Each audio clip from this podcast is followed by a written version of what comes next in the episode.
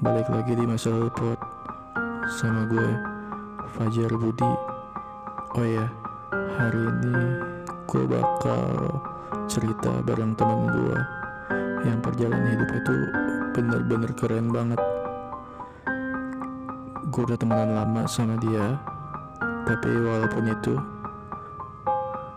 gue nggak akan pernah tahu kisah hidupnya bakal sekeren ini kalau nggak ada podcast ini jadi buat teman-teman semua kayaknya banyak banget yang bakal bisa lo ambil dari perjalanan hidup dia selamat dengerin Ya, oke balik lagi di masa lalu pot. Sekarang gue mau ngobrol nih sama teman gue. Karena di sini nggak bisa disebutin namanya, sebutnya namanya Buluk. Ih, enggak. Sorry gue Jadi gak gue biasa boleh. manggil dia tuh, tapi gue biasa manggil dia Buluk. Oh ya Luk. Ini kita kan udah lama banget nih kenal ya. Hmm, Kayak dari zaman kuliah. iya, gue kenal dari udah lama bang. Iya dari awal. Kayak gue kenal lu tuh, lu keren banget dah pokoknya perjalanan hidup lu. Iya. Katanya sih gitu. Tapi gue ngerasa biasa aja sih.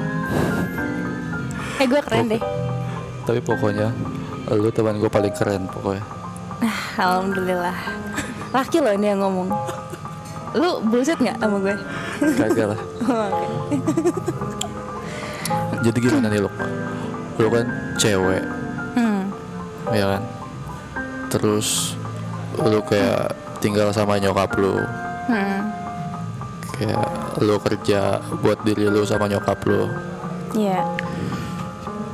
Hal-hal yang paling susah apa sih yang pernah lu lewatin? Wah banyak banget banget sih.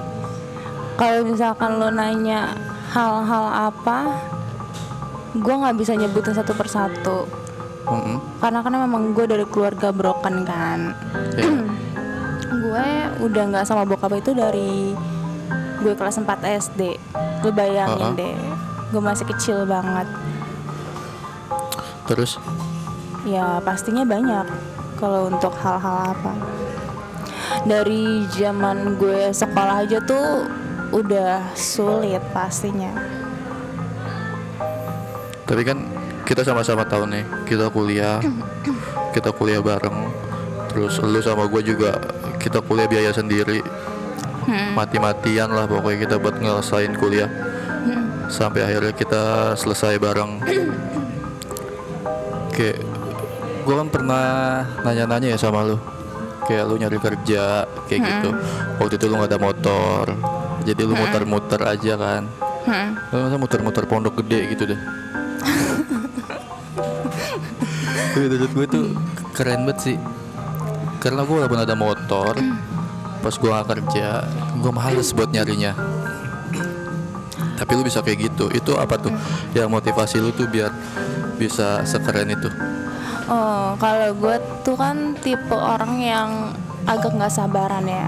Gue tuh orangnya kayak penasaran banget gitu. Kalau mis apa yang gue lakuin nih kira-kira nih bener nggak sih? Maksudnya sih, gue tuh nggak suka kalau misalkan kayak online online kayak gitu kan sesuatunya masih nggak pasti ya.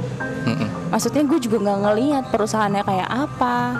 Gue tuh kayak bener-bener harus ngelihat wujudnya gitu. Terus gue kayak dapat feeling, wah kayaknya gue bakal diterima nih kalau di sini. Gitu. Gue tuh tipe orang yang kayak gitu. Terus keterbatasan juga sih sebenarnya. Kayak hmm, kalau online itu kan kayak harus butuh kuota segala macem.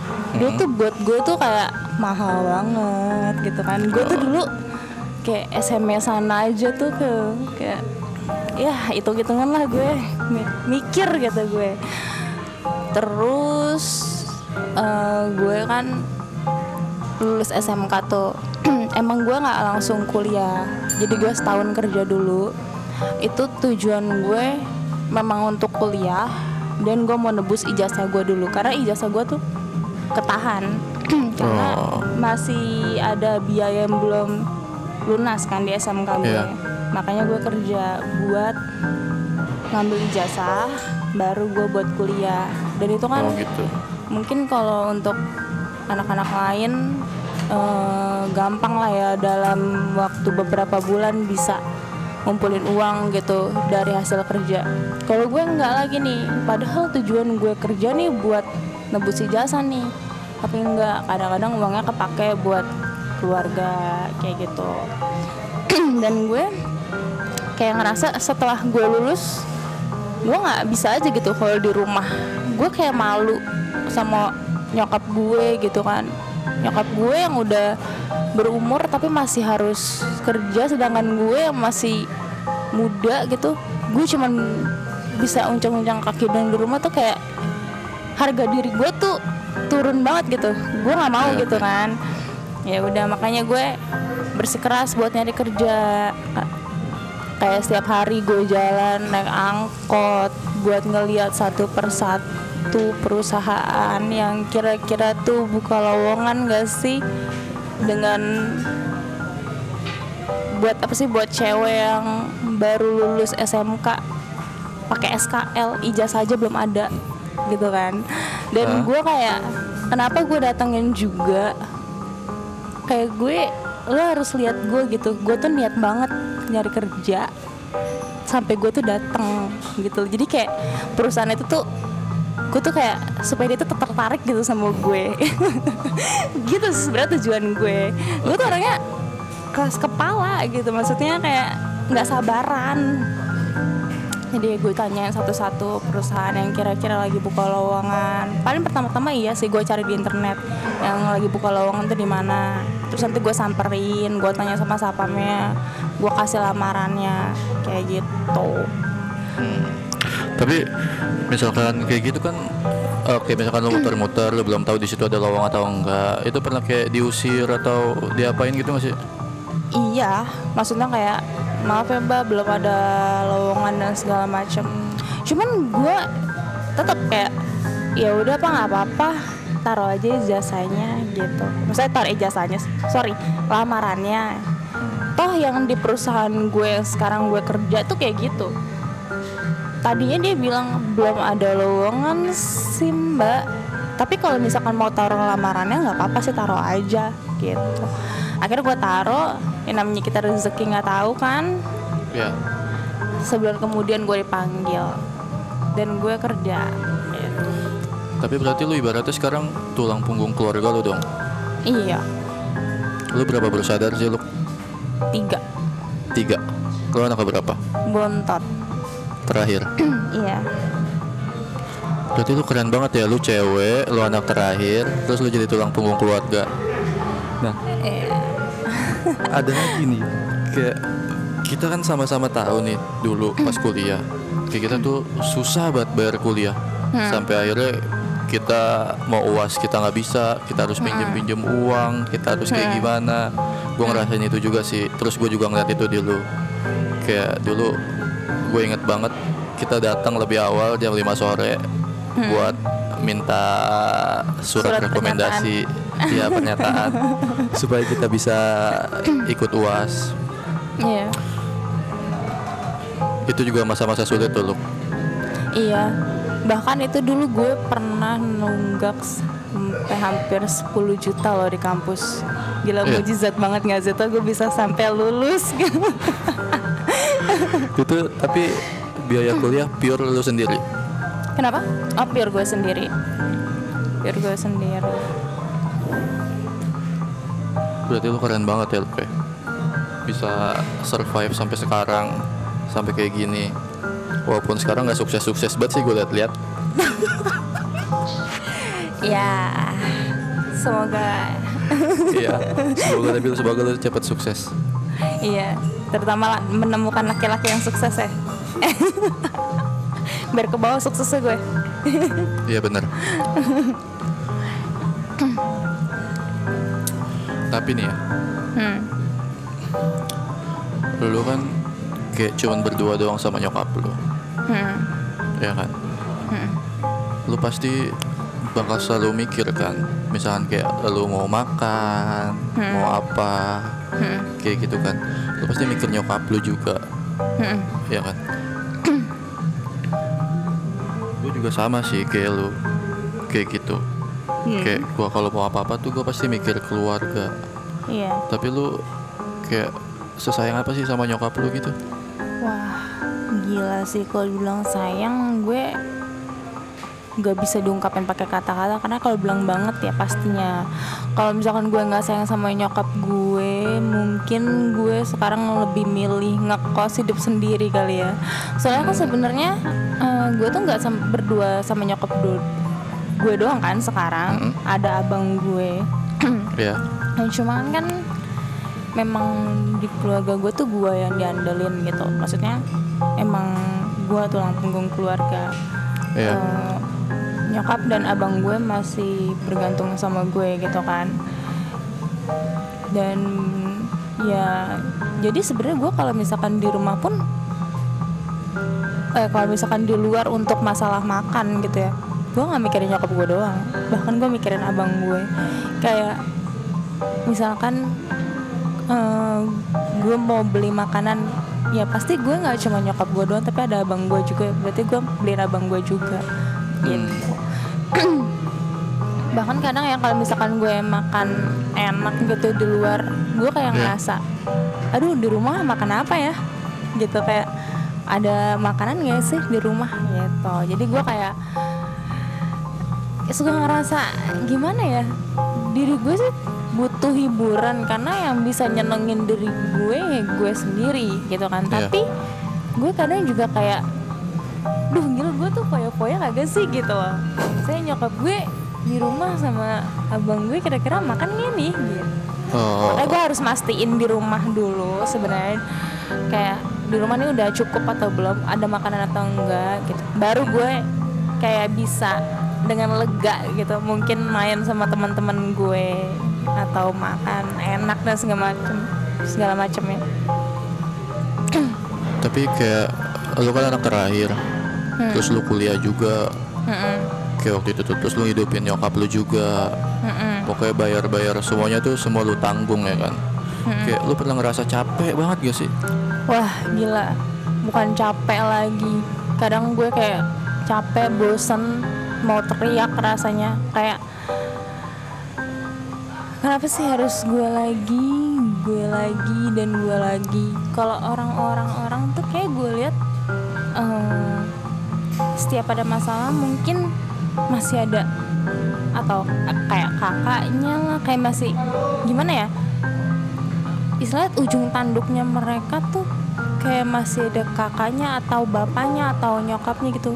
Ya kalau gue enggak jadi apa pun yang kau perbuat apa pun dampaknya buruk atau baiknya ya ya gue cuman gue yang nanggung gitu loh. Jadi gue kayak gue gak punya tempat pengaduan terakhir selain Tuhan gitu loh. Jadi gue Iya. kayak ya udah apa pun itu ya udah gue yang terakhir gue yang harus nanggung gitu. Jadi gue makanya juga dalam ngambil keputusan tuh agak lama karena gue harus mempertimbangkan kan. Gue sanggup nggak? Gue sanggup nggak? Gitu. Apalagi kan ada keluarga gue yang masih butuh gue. Iya. Ya gitu. Gue sakit aja mikir loh. Karena kalau gue sakit kenapa tuh? Ya gue kalau orang-orang sakit mungkin dibiayain keluarganya atau gimana. Mm-mm. enggak ini gue sakit makin puyeng ya. Karena gue harus mikirin diri gue beli ini itu buat diri gue kayak nambah biaya buat diri gue sendiri gitu. Oke. ya gue jangan sampai deh gue sakit deh.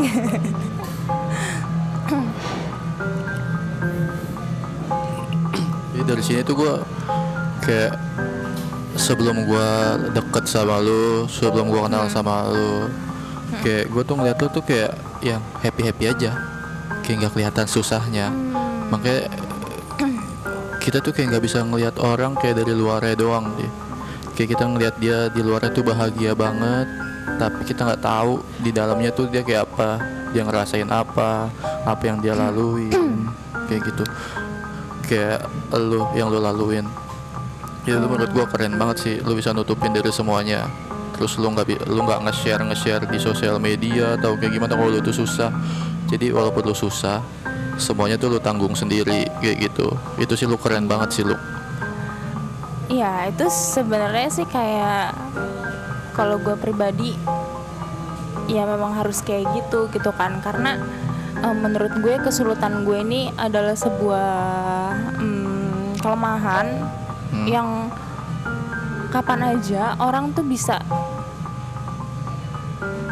nggunain kelemahan ini gitu loh. Maksudnya kayak gini gue tuh kayak lo kan ngeliatnya gue ceria-ceria aja di luar gitu. Mm-mm. itu nggak cuma lo doang.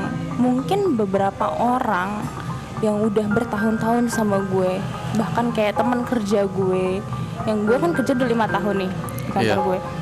Mereka tuh nggak nggak tahu yang sebenarnya gue tuh kayak gimana. Mereka tuh cuma tahu luarnya gue doang. Kayak gue tuh kan orangnya suka bercanda. Iya. terus gue orang receh terus gue orangnya juga selengean kan kan maksudnya Mm-mm. bukan orang-orang yang serius terus kalem kayak gimana gitu Mm-mm. eh ya mereka mikirnya gue kayak anak normal yang biasanya kayak misalnya kerja cuman buat foya-foya kerja cuma buat diri sendiri Mm-mm. cuma buat belanja segala macem kayak gitu mereka nggak tahu kalau gue tuh kayak aslinya kayak gini. Maksudnya gue tuh gue aduh gue bener-bener di luar dari dugaan mereka kok.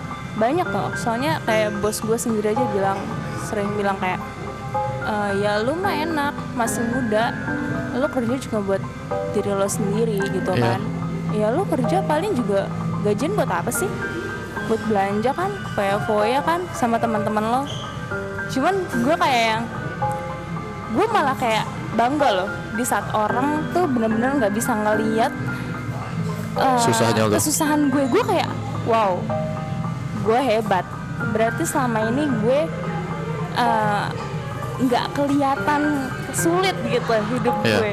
Dan berarti selama ini gue dilihat kayak yang positif positif aja gitu. Gue tuh kayak ceria ceria aja gitu. Gue kayak malah kayak seneng sih gue dalam Wah. artian gue gue berhasil Iya. karena menurut gue itu kelemahan gue yang orang nggak boleh tahu. Bukannya gue gengsi atau gimana enggak.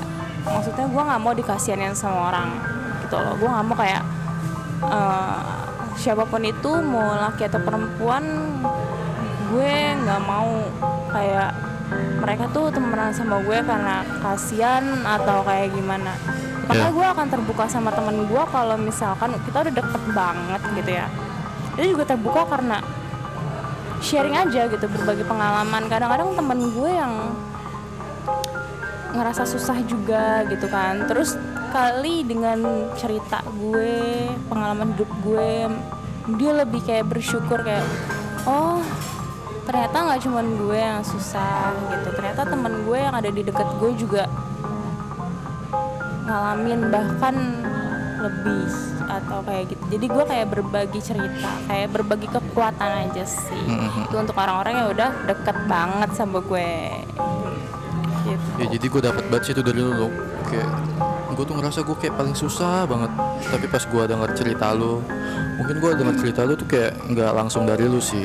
Kayak dari salah Iya, satu teman ah. kita gitu. iya iya, Karena iya. gue sama lu kan jarang ngobrol. Karena lu Ah. kan bucin ya. Siapa? Lu. lo bucin. Gue bucin sih. Kayak kayak nggak pernah ngobrol dalam banget gitu kayak tentang hidup. Tapi gue dengar cerita dari teman gue salah satu teman kita. Itu kayak oh ya si bulu kayak bisa nih cewek perempuan. Bisa ngejalin hidupnya sampai segitunya. Masa gue yang cowok nggak bisa? Kayak gitu kan. Hmm, tapi emang sih kayak pengalaman hidup tuh nggak cuma eh kayak pengalaman tuh nggak butuh kita ngalamin sendiri iya tapi bisa kita ambil banget. dari pengalaman orang lain iya benar kayak gitu sih Iya emang kayak gitu. Gue juga sering kayak gitu kok. Banyak beberapa temen gue eh, ceritain pengalaman-pengalamannya Hmm, yang belum pernah gue alamin. Dan dari situ gue kayak belajar belajar gitu kayak oh berarti gue harus kayak gini kayak gini supaya nggak kayak kayak gini gitu. Iya. Tapi kayak pengalaman hidup lu ini dalam hidup lu yang benar-benar paling susah banget. Hmm? Kayak yang nggak bisa lu lupain deh. kayak keinget itu tuh anjing gue bisa ngelewatin ini nih itu itu tuh apa tuh kalau gue boleh tahu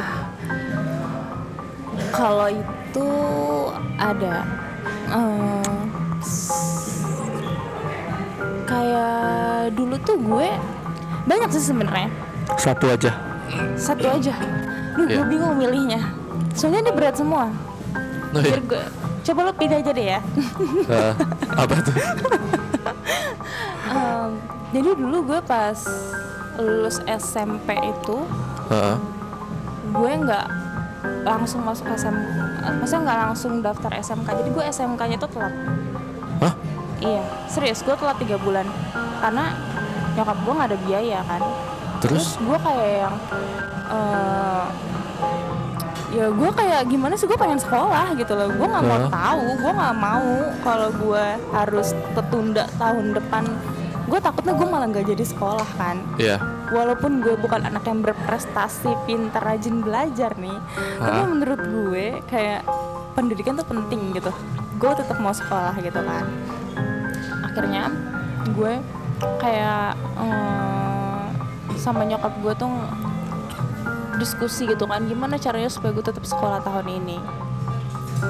Gue gue cari orang tua orang eh, orang tua apa sorry, sorry orang tua asuh gue jalan kaki itu ke rumah orang tua asuh Hah? Gue naik angkot sama nyokap gue Iya. dan gue kayak ngajuin permohonan kayak gitu dan gak ada yang lolos lo tau kayak nggak ada yang bisa bantu gue karena udah udah ada orang lain gitu yang mereka bantu. Sampai akhirnya gue kayak udah deh gue udah nggak tahu lagi gue mesti kayak gimana gitu kan. Gue lagi main ke rumah om gue. Eh, tujuannya sih emang gue mau nyari kerjaan. Gue pengen kerja di PRJ gitu. Terus Itu tuh pengen kerja di PRJ lulus SMP iya karena gue tuh kayak sebenarnya gue lulus SMP itu gue sempet kerja kok. Oh iya? tapi iya gue sempet kerja kayak jaga toko baju gitu. Di Hah? Plaza Pondok Gede gue inget banget dari jam 9 pagi sampai jam 9 malam. Itu gue masih bocil banget lo bayangin. Gue udah kerja buat nyari duit buat apa? Buat masuk SMK tapi itu nggak nggak bakal kekumpul bayangin. Gue cuma digaji berapa ya? Kayaknya paling 500 ribu kali ya. Sebulan iya kali namanya baju kayak yang bukan bu- kayak baju kayak yang di toko-toko gitu loh Iya ngerti-ngerti Ah, ya Heeh. kan?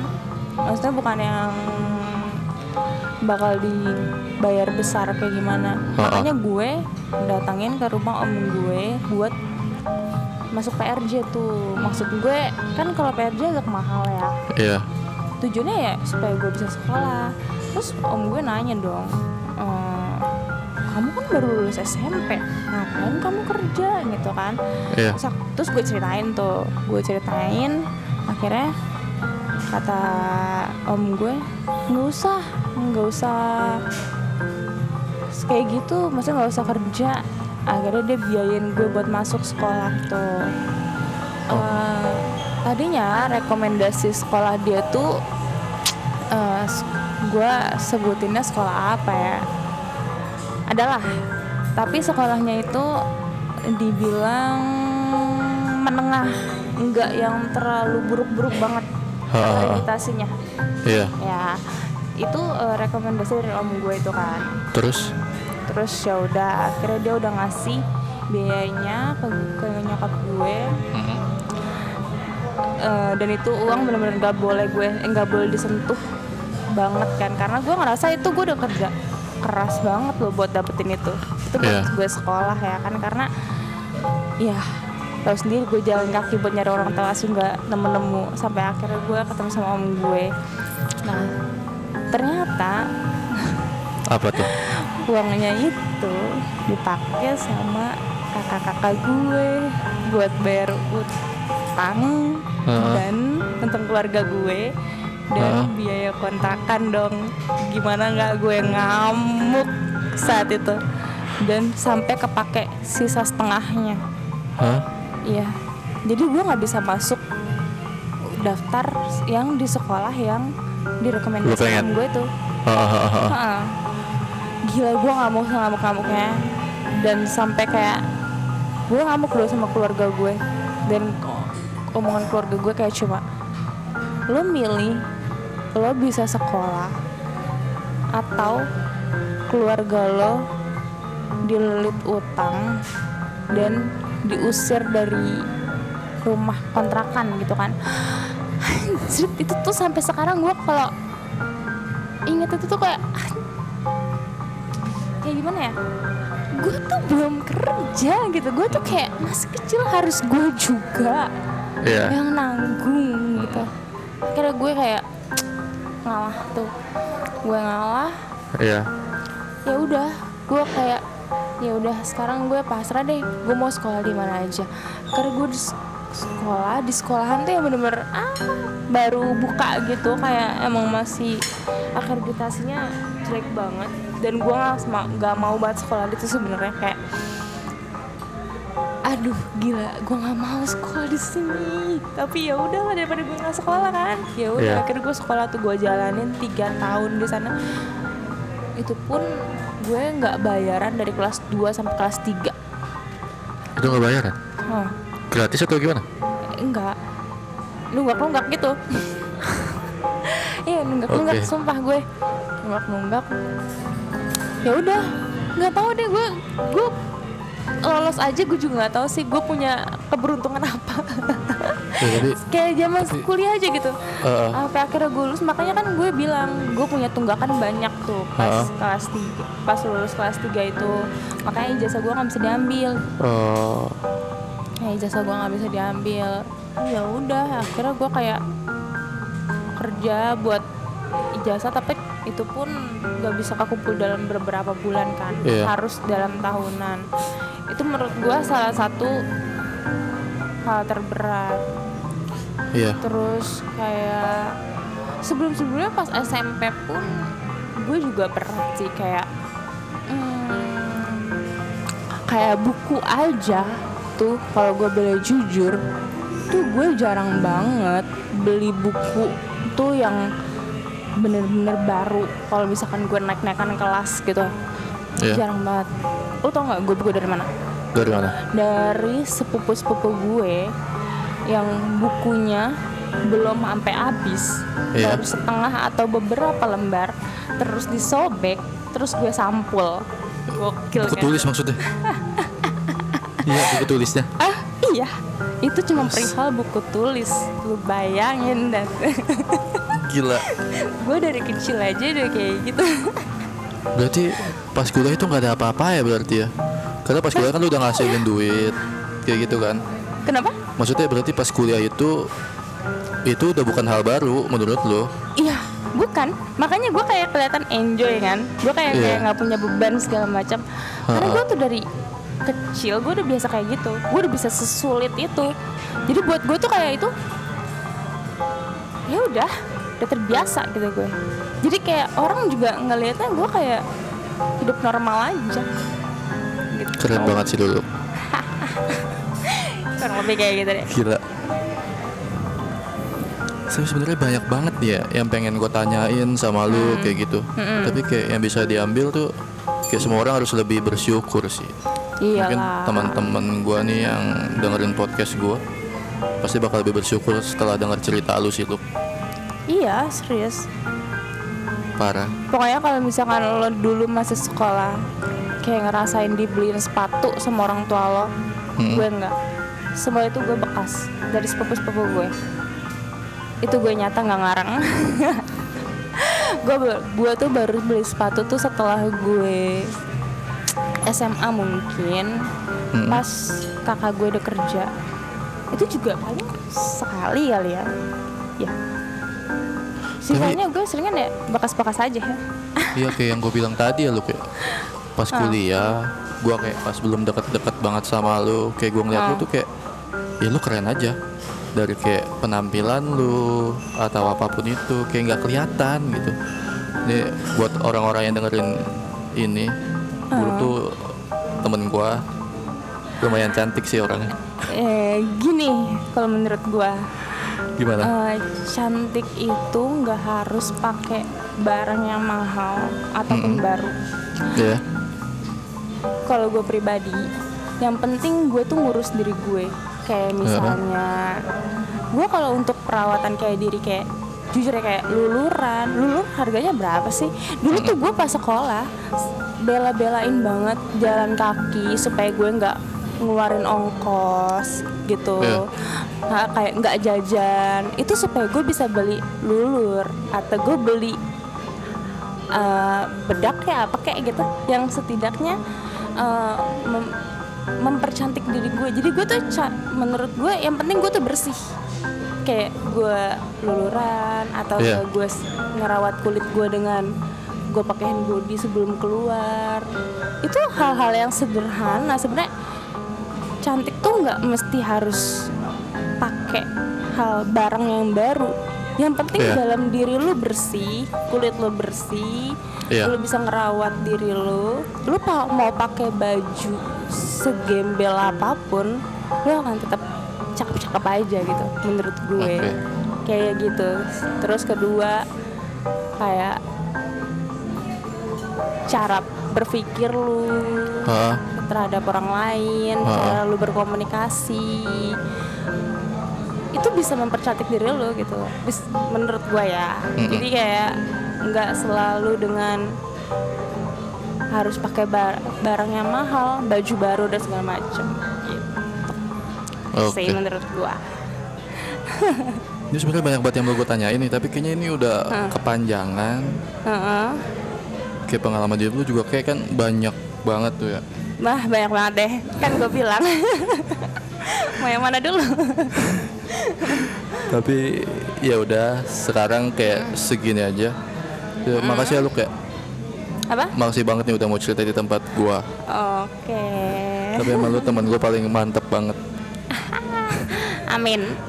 Ya udah oke, makasih. Dah. Oke, dadah.